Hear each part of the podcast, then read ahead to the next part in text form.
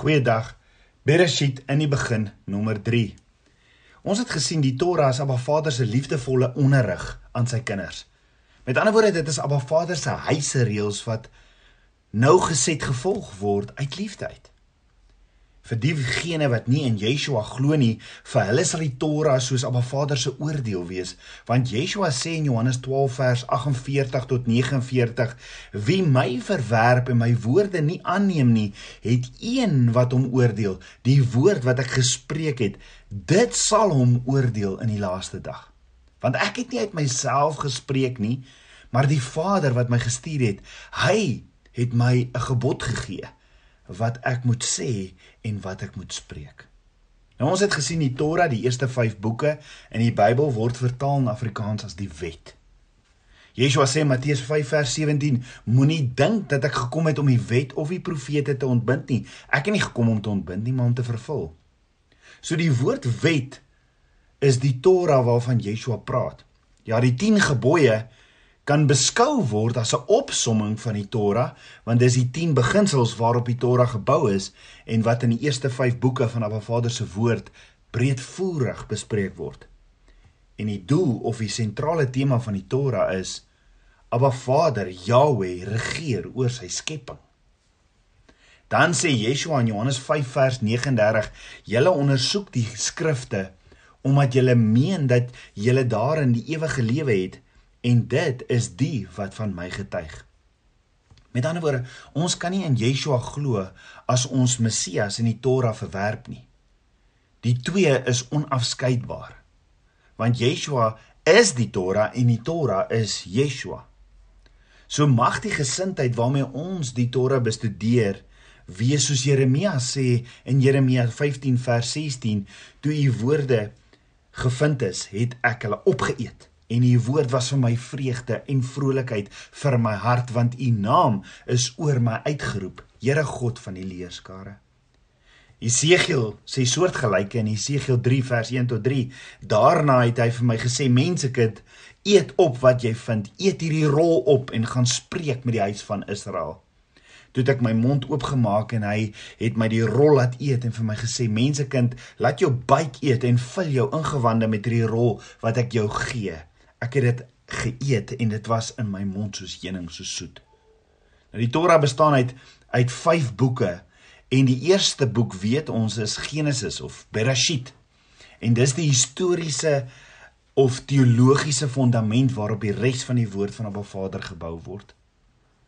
Jesaja 46 vers 9 tot 10 sê: Dink aan die dinge wat tevore was van ouds af dat ek God is en daar is geen ander nie. Ek is God en daar is niemand soos ek nie.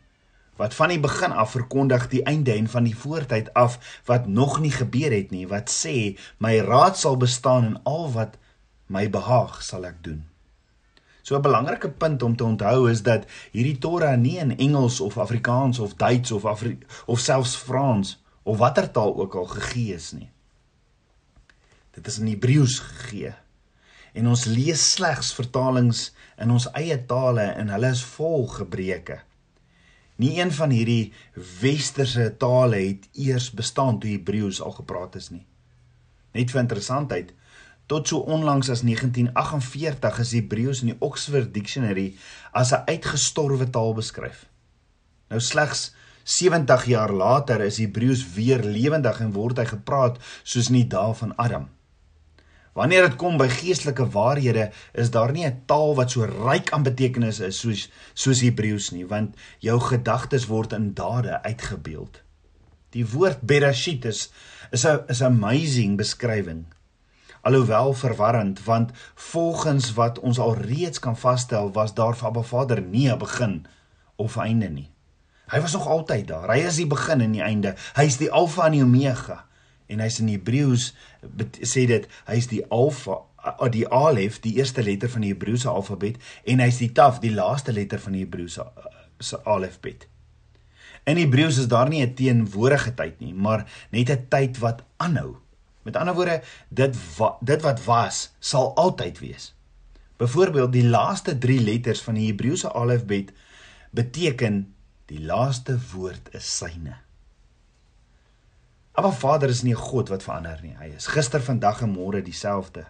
So hoor gou-gou die eerste sinnetjie in die woord van Abba Vader, Genesis 1 vers 1 sê: "In die begin het God die hemel en die aarde geskape." In Engels staan daar: "In the beginning God created the heavens and the earth." In Hebreëus staan daar: "Bereshit bara Elohim et hashahim ve et haaretz." Met ander woorde, die heel eerste woordjie in Abba Vader se woord in Hebreëus is Bereshit.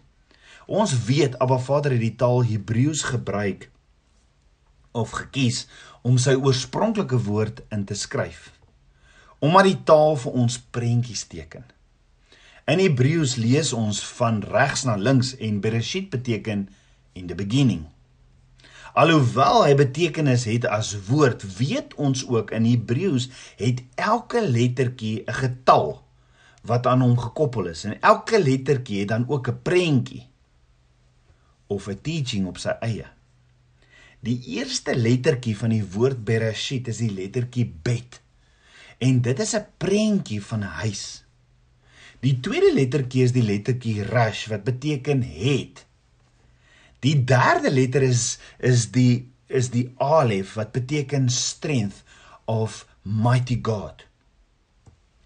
Die vierde letter is die letter Shin wat beteken destruction of all power. Die vyfde letter is die letter J wat beteken hand en die laaste letter is die letter Tav wat beteken sign of the cross. Wanneer ons net na hierdie eerste woord in die Bybel gaan kyk Bereshit en ons sien hoe hierdie lettertjies langs mekaar lê, is daar is daar ander woorde wat ons ook daaruit kan kry uit hierdie letters. Met ander woorde, behalwe die lettertjies wat elkeen sy eie betekenis het, kan ons nog woorde daaruit kry deur middel van letters wat langs mekaar lê. Byvoorbeeld die woordjie teacher staan teacher staan binne Bereshit. Die woordjie appoint staan daar binne. Die woord verbond staan binne die die die Bereshit. Want Abba Vader is 'n God van verbond. Die woord created staan daar binne. Die woord fire staan daar binne en die woord home staan ook daar binne. Nou as ons al hierdie prentjies van die eerste woord Bereshit van Abba Vader se woord bymekaar sit, lees dit soos volg as jy na al hierdie prentjies kyk. Elohim will create a house through covenant. He will appoint his son as the head of the house. He will give him all the strength and all the power. He will be a teacher and a consuming fire. He will be the hand of God and his sign will be a cross oorgegou weer. Die eerste woord in die Bybel teken 'n prentjie wat die volgende vir ons teken in Afrikaans. Abba Vader sal sy huis deur verbond skep. Hy sal sy seun as hoof van die huis aanstel en hy sal hom al die krag, mag en autoriteit gee. Hy sal 'n leermeester en 'n verterende vuur wees. Hy sal die hand van God wees en sy teken sal 'n kruis wees. Die eerste woord is die hele woord van Abba Vader saamgevat. As jy na dit kyk, gee dit gee dit net so 'n ander betekenis aan Kolossense 1:6 wat sê, ag 1:16 wat sê, alles is deur hom en vir hom geskep. Dit gaan alles oor Yeshua en van die begin af het Abba Vader hierdie plan gehad om hierdie liefdesverbond met ons te maak, om saam met hom te wandel 24/7 en daarom is hy nog steeds dieselfde, 'n Vader van verbond. So die eerste 6 hoofstukke hoofs, hoofstukke van Genesis bevat die verhaal van die skepping soos aan die begin gevind word. Geskryf uit die perspektief van Abba Vader. Soos wat ons Genesis 1 tot 6 bestudeer, beleef ons verskeie eerste eerstens die eerste iets wat geskape is nommer uh, kry ons En dit was die lig, die eerste dag op aarde, die eerste lewende wesens, die eerste mense na sy beeld is geskape, die eerste plek deur Jahweh geskape, die tuin van Eden. Dit is 'n spesiale plek deur hom daar gestel waarin hy saam met ons wil wandel en wat weer later herstel gaan word. Die eerste voorplantings van die skepping, die eerste dood, die eerste geval waar daar iemand deur Abba Vader uitgesonder is, Noag. Daar is ook geheimenisse rondom hierdie 10 generasies wat Noag vooraf gegaan het en hoe Abba Vader een man uitkies met wie hy die hele aarde van totale uitwissing wou red. Dan is daar ook die eerste kennismaking met die bose. So hoor gou die eerste sin in die Hebreëse vertaling bestaan uit sewe woorde en ons weet daar's ook sewe dae van die skepping en sommer hier aan die begin sien ons die volledigheid wat aangedui word met die getal 7. Ons gaan al hoe meer bewus word van hierdie gebruik van hierdie getal om net 'n paar te noem. Daar's sewe dae van die skepping, sewe feeste van Yahweh. Dis die afsprake wat Abba Vader met ons het. Sewe takkandelare in die in die tabernakel in die tempel, sewe gemeentes en dan nog baie meer. Nou volgens die geleerdes stel die sewe dae van die skepping ook die 7000 jaar wat die mens op die aarde sal wees voor, naamlik die tydperk van verlatenheid. Dis die tydperk van Adam tot uh, uh, tot Abraham. Dit vat dit is 2000 jaar.